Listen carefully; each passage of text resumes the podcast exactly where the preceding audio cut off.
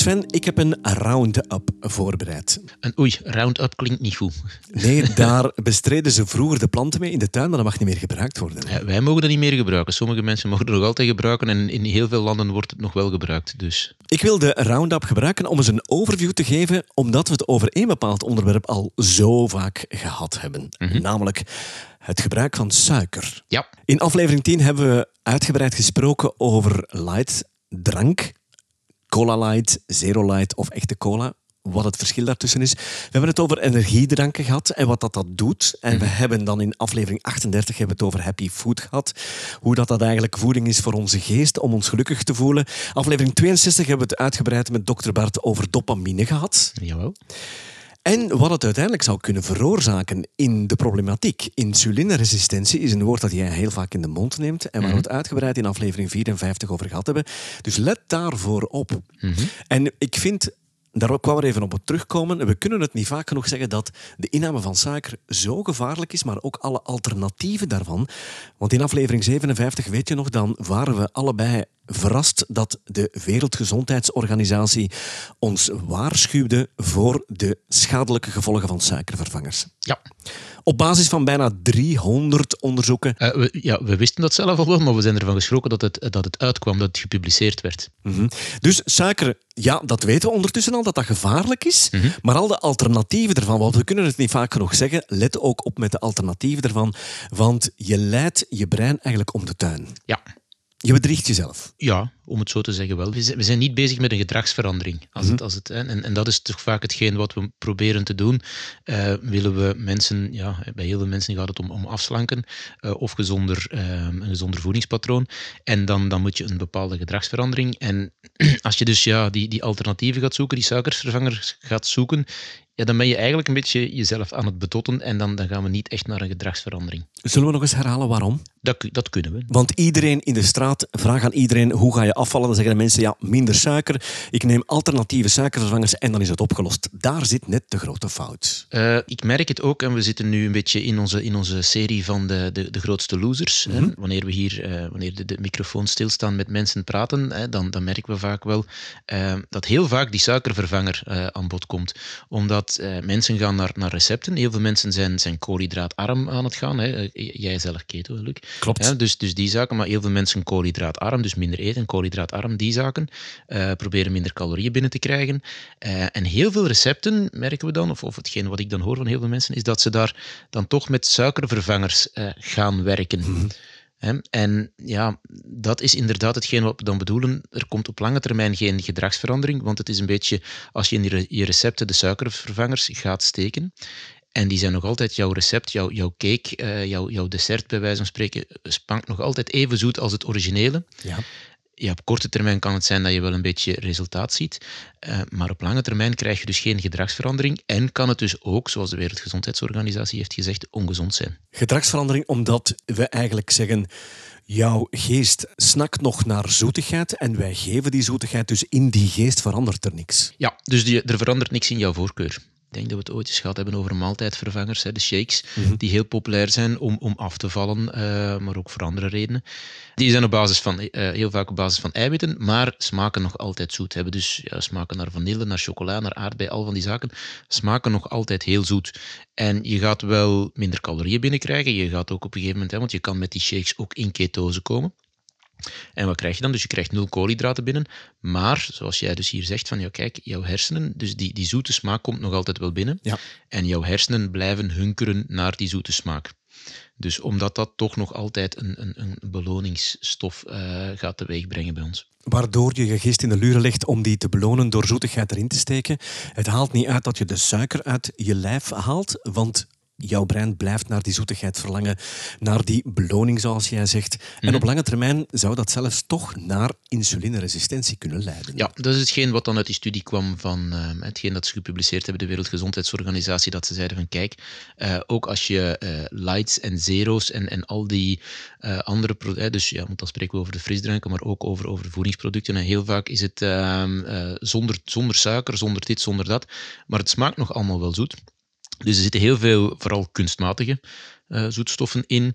En uh, daarvan weten we dat ze, dat ze niet gezond zijn. Mm -hmm. uh, en dat ze op termijn eventueel ook, omdat dus jouw lichaam nog altijd gaat reageren met insulineproductie. En dus dat je dus ook richting diabetes kan gaan als je heel veel van die producten gebruikt. Dus besluit, misschien een beetje kort door de bocht, zou moeten zijn: de zoetigheid is niet gezond. In eender welke vorm.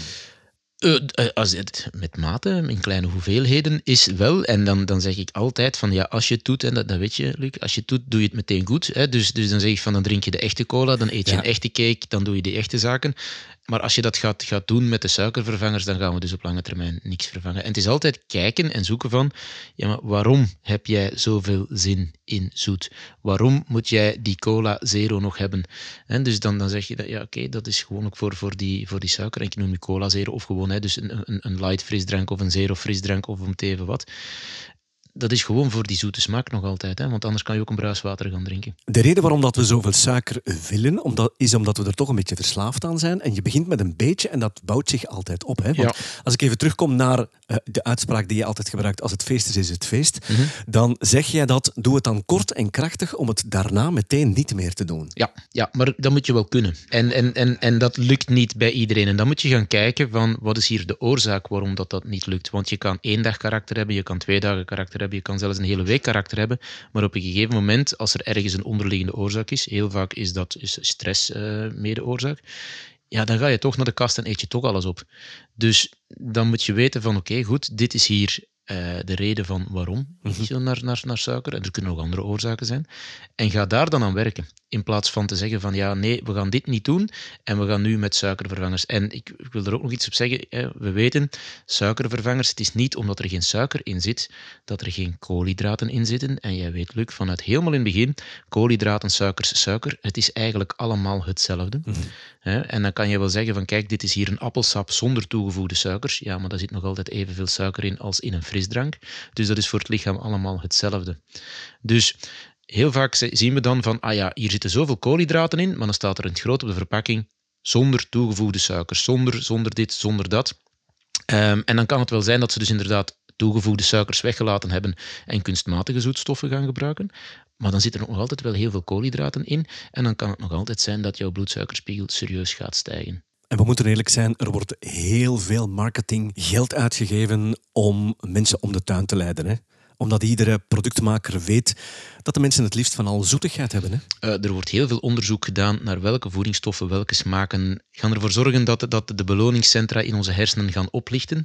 Dat, dat wordt getest met, met scans, met, met, met al die zaken. Dan, dan geven ze jou iets en dan kijken we van, ah, oké, goed, um, dit gebeurt er in jouw hersenen en eens dat dat gebeurt, dan weten we dat jij dus daar voor altijd aan gaat gaan. Ja, en verslaafd is een groot woord, omdat er zijn heel veel discussies of dat suiker nu wel of niet verslavend is en dan hangt het een beetje van de definitie van verslaving vanaf. Uh, ik denk dat het officieel nog altijd niet verslavend is, maar heel veel mensen ja, weten van, ik kan er niet van afblijven. Mm -hmm. Dus in die zin is het dan wel een vorm van, van verslaving. En dat is gewoon, ja, kijk, eens dat iets een grote beloning geeft, dan worden wij getriggerd om dat gedrag te gaan herhalen. En dat is heel moeilijk om daar dan van gaan af te blijven. Ik had met mijn partner een uh, nogal felle discussie onlangs. Wij kunnen van de suiker afblijven, beiden, tot als een van de twee zich niet lekker voelt. En wij zijn helaas alle twee emo-eters. Mm -hmm. Dus een van de twee kraakt de kas af en toe. Ja, maar ik heb je gezegd, als dat zo is, dan is dat zo. En dan weet je van, oké, okay, dit komt door emoties. Ja. Dus ik heb nu behoefte aan dat koekje, die frisdrank, dus die vorm van zoetigheid om mij beter te voelen. Dat hoeft mm -hmm. soms trouwens geen, dat kan ook met, met andere zaken, kan ook met, uh, met, met, met, met, ja, met, met, met vettige zaken. Hè. Chips is er dan eentje van. En zo. Frieten. Dus ja, ja, dus vandaar, als je dat weet van kijk, nu heb ik daar behoefte aan, doe dat dan. En doe het dan meteen goed. Zeg van kijk, dit is nu mijn beloning, ik ga ervoor zorgen dat ik mij beter voel. Maar straks, morgen, oké, okay, dan is dit gedaan en dan gaan we verder. Is dat niet, ja, dan moet je iets aan die situatie gaan doen. Hè? Want anders dan, dan kom je een beetje in een vicieuze cirkel en dan, dan, dan blijven we steken. Is er dan echt geen alternatief om dat te voorkomen, dat emo eten? Jawel, ga sporten. Echt waar? Ja, dus als je, gaat, als je gaat sporten, intensief gaat sporten, ja. wordt er ook dopamine aangemaakt. Ga in een ijskoud bad zitten, wordt ook dopamine aangemaakt. Maar dat zijn zaken die dat om te beginnen minder leuk zijn, meer, veel meer energie vragen, mentale energie vragen. We weten van, ja, dat is niet leuk. Je moet eigenlijk eerst eventjes door een, door een muurtje. Maar eens dat je door dat muurtje komt, dan gaat dat lichaam ook heel veel beloningsstoffen aanmaken, net omdat er een vorm van, van, van stress is. Om zo te zeggen, dan ga je een stuk beter voelen. Je hebt, heel, je hebt mensen die ook sportverslaafd zijn. Hè? Dus uh, vandaar, dus in plaats van, van begin al een keertje, in plaats van uh, als je zin hebt van naar de kast te gaan en, en, en, een koekje te gaan eten, om de reden van ik voel me goed voelen, ja, zak eens twintig keer door je knieën en, en lopen ze rondje rond het huis en kijk dan eens een keertje wat er, uh, wat er gebeurt. Ja, dus ja. Vandaar. Maar stel dat dit een fysieke conditionering is, Mhm. wat het ook is, hè, dan is het heel moeilijk als, ik dat, als ik dat even vertaal naar de mentale conditioneringen. Op het moment dat je daar middenin zit, is het heel moeilijk om het vanuit de buitenkant te bekijken. Ja. Om het vanuit wijsheid en vanuit verstand te benaderen, dat is bijna niet mogelijk. Dat zijn hele sterke zielen die dat Ja, kunnen. dat kunnen. Ja, dus een- eens dat de emotie het overneemt, is het heel moeilijk om nog rationeel eh, te gaan nadenken. Mhm. Dus, maar dan kan je voor jezelf zeggen van goed, de volgende keer dat dit gebeurt, en dan kan je wel, of je kan je omgeving inlichten en zeggen van kijk, de volgende keer dat dit gebeurt, hou me tegen, of doe dit, of doe dat. En dan, dan, dan kan je het zo proberen. Maar kijk, van tijd tot tijd moeten we allemaal eh, een keertje toegeven. Hè? Dus, eh, dus ik ook. En zoals ik al zei, van als dat is, doe het dan meteen goed. En daarna is het teruggedaan. Dat was een hele lange introductie, Sven, want ik heb jou een beetje om de tuin geleid. Ik denk dat ik iets nieuws gevonden heb. Ik denk dat ik met iets verrassend ga komen, namelijk een natuurlijke vervanger die toch niet zo slecht blijkt te zijn. Ik hoop dat jij mijn enthousiasme nu niet gaat breken. Ik zal u vertellen wat ik het ontdekt heb in de boeken die ik de laatste weken kocht. Want ik probeer zoveel mogelijk koolhydraatarme recepten bij elkaar te krijgen in de hoop om nog iets nieuws te vinden. Daarin moet ik een beetje eh, zeggen dat ik ontgoocheld ben. En dat is heel normaal. Ik zeg altijd, een kok vindt geen nieuwe tomaten uit, maar hij vindt wel nieuwe gerechten uit. Oké. En dat ontdek ik in die boeken ook, maar het gaat altijd over dezelfde ingrediënten. Hè. Nu, in die boeken die ik de laatste weken gekocht heb, daar staat toevallig wel overal bij erythritol. Ja. En daar hebben we het nog nooit over gehad. Mag ik dat bij de natuurlijke vervangers plaatsen? Eh, ja, We hebben er wel wat. Hè? Laten we eerst eens beginnen met degene die we al zo lang kennen en waar we het al over gehad hebben, de stevia. ja, stevia. Dat is een hele sterke en dat is zo natuurlijk als het maar kan zijn. Stevia komt van een plant, hè, dus, en die, die blaadjes, in die blaadjes zit, ehm, ja, zit, ja, dat is de stevia-plant. En die blaadjes werden gebruikt ehm, vroeger in, in, ik geloof, Latijns-Amerika, om dus ja, daar gerechten zoeter te maken. Dus dat smaakt, stevia smaakt enorm zoet. Is dat nog populair de dag van vandaag? Eh, ja en nee. Het probleem met stevia is dat die een specifieke smaak hebben. En voor heel veel mensen eh, is die smaak toch is niet hetzelfde als, als echt suiker komt. Komt daar niet mee zeggen van het heeft, heeft toch een iets andere smaak. Dus als ze stevia gaan gebruiken, dan is dat toch een beetje, ja, dan, dan smaken de zaken anders. Dus bij, bij veel mensen toch iets minder. Weet je wat ik van stevia vind? Dat heeft zo'n scherp randje. Mag ik dat zo zeggen? Eh, ja, je kan dat zo zeggen. Daar is zoiets venijnig en een venijnig nasmaakje Ja, aan. wel, ik, ik heb persoonlijk, ik heb, ik heb stevia graag, maar ik gebruik het ook al, al vrij lang. En ik denk dat dat voor iedereen, eh, ja, gewoon specifiek is. Hè. Dus, dus je, je, je hebt het wel, je lust het wel of je lust het niet. Ik heb het nooit gebruikt omdat ik... eh, ik voelde iets raar bij die grote oorlog die de frisdranken hebben gevoerd om die stevia-plantages en die hebben alles opgekocht. En toen dacht ik van nee, er klopt hier iets niet. Ja, het is, het is een hele tijd verboden geweest. Hè. Dus dat men zei van, ah ja, het mag niet, het is, het is eh, misschien een gezondheidsrisico, al van die zaken, eh, tot ineens ja, bepaalde grote merken ehm, ja, voldoende van, van de productie in handen hadden om, om bij hun bij hun producten te doen en toen mocht het opeens wel. Dus, en nu zijn toch heel veel zaken ook gezoet met stevia. Bepaalde frisdranken Ja. zijn ook gezoet met stevia, dus, ehm, dus het, het mag nu wel. Mhm. Heb je ooit al eens gehoord van kokosbloesemsuiker? Eh, ja, die bestaat ook al lang. Ik had er nog nooit van gehoord. Sven. Ja. Nu, met kokosbloesemsuiker is het zo dat dat blijft suiker ook. Dat is wel een, een gezondere, hè, zeggen we dan, omdat daar meer, meer mineralen en meer, meer andere zaken in zitten. Dus, dus eh, over het algemeen niet geraffineerd. Maar hè, zou, eh, zou, zou bloedsuikerspiegel iets minder hoog laten stijgen. Maar dat blijft ook nog altijd wel, wel suiker. Dus qua calorieën zit die nog altijd wel eh, in, de, in de buurt van suiker daar. En wat met die andere natuurlijke vervanger, de agavesiroop? Agavesiroop is hoog in fructose. En fructose gaat niet rechtstreeks in ons bloed opgenomen worden, eh, maar gaat langs de lever, waardoor dat je minder sterke stijging in bloedsuikerspiegel krijgt. Maar fructose moet dus langs de lever en heel veel, als je heel veel zaken met fructose, als we veel te veel fructose binnenkrijgen, en dat is bij de meeste mensen zo, dan kan je leververvetting krijgen. Belastend dus voor die lever. Ja, dus, dus vandaar. Je kan dat gebruiken, zoals met al die zaken. Je kan, dat, je kan dat gebruiken. Elk heeft zowel zijn voor- en zijn nadelen, maar met mate. Ik gebruik het wanneer ik mijn eigen granola bereid. Ja. Of maple leaf syrup. Ja, ahornsiroop. Ja, in, de, in de volksmond. En, en ja. Oei. Ja. Goed, dat waren drie natuurlijke vervangers. Stevia, kokosbloesemsuiker en agavesiroop. En dan kom ik even terug naar mijn erythritol. Vertel mij, wat is dat? Hoe komt dat dat een natuurlijk product is? Goh, dat is een natuurlijk product omdat dat van nature in, in, in, uh, in bepaalde fruit, in bepaalde voedingsmiddelen zit, in kleine hoeveelheden. Mm -hmm. um, en dat is ook natuurlijk omdat die vanuit glucose gemaakt wordt.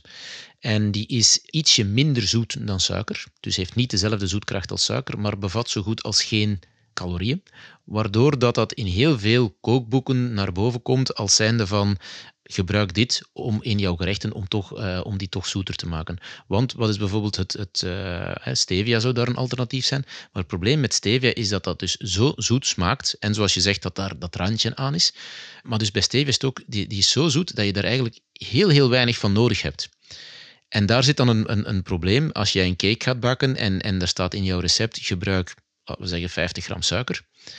En ja, je hebt nu van stevia maar een halve gram nodig ja, dan, komt je, dan, is, dan is jouw, klopt jouw volume niet meer. Ja, klopt. En dan moeten we daar bij die stevia, en dat gebeurt dan ook, bij, bij stevia wordt dan heel veel bulk. Dus stevia is, is heel zelden gewoon 100% puur, omdat dat heel moeilijk te doseren is. Dus gewoonlijk wordt dat dan ja, in klontjes of in, in, in hoeveelheden dat ze zeggen van kijk, één uh, soeplepeltje van, van, van deze stevia komt overeen met één soeplepel van, van de suiker. Maar dan zit er maar heel weinig suiker in en heel veel bulkmiddel. En die bulkmiddel, dat kunnen dan uh, andere kunstmatige zoetstoffen zijn, of dat kunnen andere dingen zijn, die dat er dan voor zorgen dat die smaak toch iets anders is en waardoor dus dat volume vergroot. Dus erythritol is eigenlijk wel een goede vervanger voor suiker. Alhoewel, het blijft ook suiker. Het blijft ook zoetstof. Hè. We zijn het, de aflevering ja. begonnen met te zeggen dat ja, het niet dus oké dat, is. dat blijft ook zoetstof. Um, nu, hè, dus we weten van, van uh, erythritol dat die, dat die jouw bloedsuikerspiegel zo goed als niet gaat, gaat verhogen. Dus, dus mm -hmm. in dat opzicht is dat een goede. Het kan dus ge gebruikt worden voor mensen met diabetes en zo. Maar het is dan een, een natuurlijke, omdat die dus in, in de natuur komt en dat die uit glucose gemaakt wordt. Maar het is toch nog altijd oppassen, omdat zoals met de meeste van de, de ja, moeten we het zeggen, van die, van die zoetstoffen, in grote hoeveelheden kan dat op onze darmen werken. Ja? En wat nog een probleem is met, met de meeste kunstmatige, we hebben dat besproken, ik denk in de aflevering van de darmen en, en de, de, de SIBO dan, dat is dat de meeste kunstmatige zoetstoffen, dat als je een SIBO hebt, dus te veel bacteriën in de dunne darm, dat die darmproblemen kunnen veroorzaken. Bij die erythritol zou dat, zou dat niet zijn. Mm is die, die, heb je die problemen niet. Maar wat zien we daar? Dat ervoor kan zorgen dat als je, uh, dat, dat je verhoogd problemen krijgt met fructose, met de opname van fructose. En fructose is ook eentje die dat bij uh, de SIBO een probleem gaat geven. Dus in die zin kan die zoetstof er dan voor zorgen dat je meer nog meer problemen krijgt met fructose. Dus we zijn de aflevering begonnen met te zeggen dat het in geen enkel geval goed is om dat te gebruiken, ook niet de vervangers. Maar laten we besluiten dat dit de minst schadelijke van allemaal is dan? Zou dat een, een goede conclusie kunnen zijn? Goh, ja, de minst schadelijke. Je, je kan die gaan gebruiken. Die is, die is onlangs in, in, uh, toch, toch negatief in het nieuws gekomen. Ai, dat, dat wist ik niet. Ja, dat um, zou, wordt, ja, wordt, wordt eventueel in verband gebracht dat als je dat grote hoeveelheden gedurende lange tijd, hè, dus, en dan spreken we van oké, okay, als je dit jaren aan een stuk toch al jouw, jouw gerechten zo gaat klaarmaken, mm -hmm. dat er daar een bepaald risico is op aderverkalking en, en dat er dus toch, toch wel toch bepaalde wel. gezondheidsproblemen kunnen zijn. Ja, Okay. Dus, maar dat is met nog heel veel producten zo. Hè. Dus, dus, dus ik bedoel, we weten dat heel veel zaken, heel veel voedingsmiddelen uh, bepaalde eigenschappen hebben die dat minder gezond zijn. Ik dacht even dat ik een uh, nieuw wondermiddel had ontdekt, omdat ik het ervoor nooit had ergens gelezen of gezien. Mm -hmm. En nu kwam het in verschillende boeken ter sprake. Ik heb het ook meteen geprobeerd. Ja. Ik heb het gekocht, omdat ik het helemaal niet kende. En wat mij opviel toen ik het gebruikte. Ik heb het in een, in een paar alternatieve dessertrecepten gebruikt. Mm -hmm. Wat mij opviel is dat het eigenlijk niet zo smelt als suiker smelt. Mm -hmm. het, is, het lijkt me iets harder. En volgens mij is het iets, iets minder zoet dan suiker zelf. Ja, het smaakt, het smaakt iets minder zoet. Dus, dus wil je dezelfde zoetkracht als suiker, ga je er iets meer van moeten gebruiken. Maar zoals gezegd, er zitten zo goed als geen calorieën in. Mm -hmm. Dus jouw calorieën gaan wel een heel stuk naar beneden. Ja. En jouw bloedsuikerspiegel gaat niet, uh, gaat niet stijgen. Dus dat zijn dan de voordelen. Maar de nadelen zijn, als je dan toch een dessert neemt, dan ga je altijd refereren met de desserten die je kent. Je mag een nep chocomousse maken of een, een nep pudding maken. Je gaat altijd grijpen naar dat origineel en daarmee vergelijken. Dus ik heb ook uh, gelukkig niet te veel gekocht en gezegd van als dit op is, dan koop ik het niet meer, want ik leg mijn eigen brein in de luren. Wel, je kan een beetje een combinatie maken van. Je, kan, je kan bij wijze van spreken half en half gaan doen, dus dat je zegt van oké, ik ga de helft suiker doen en de helft dat. Uh, dan heb je een beetje een, een, een mixje, om het zo te zeggen. Uh, maar zoals ik al zei, je, je kan dat een keertje doen en dat je zegt van kijk, ik maak eens een dessertje en dan doe ik het met dat, zolang dat je dus geen spijsverteringsproblemen hebt, geen enkel probleem. Heb je wel spijsverteringsproblemen, zoals je zegt, dan kan het dat vergroten. Dan kan het zijn dat je, dat je toch wat, wat last krijgt van krampen, hè, als je daar dan ook nog wat fructose en zo bij doet. Maar, maar, ja, dus ja, het gaat geen op lange termijn, hè, en dat is de conclusie, het gaat op lange termijn er niet voor zorgen dat jij minder zin hebt naar zoet. Voilà, de moraal van het verhaal, we hebben het er al zoveel over gehad. Als je feest, feest, feest dan stevig, maar doe het kort en krachtig en zorg dat je het vanaf morgen niet meer feest.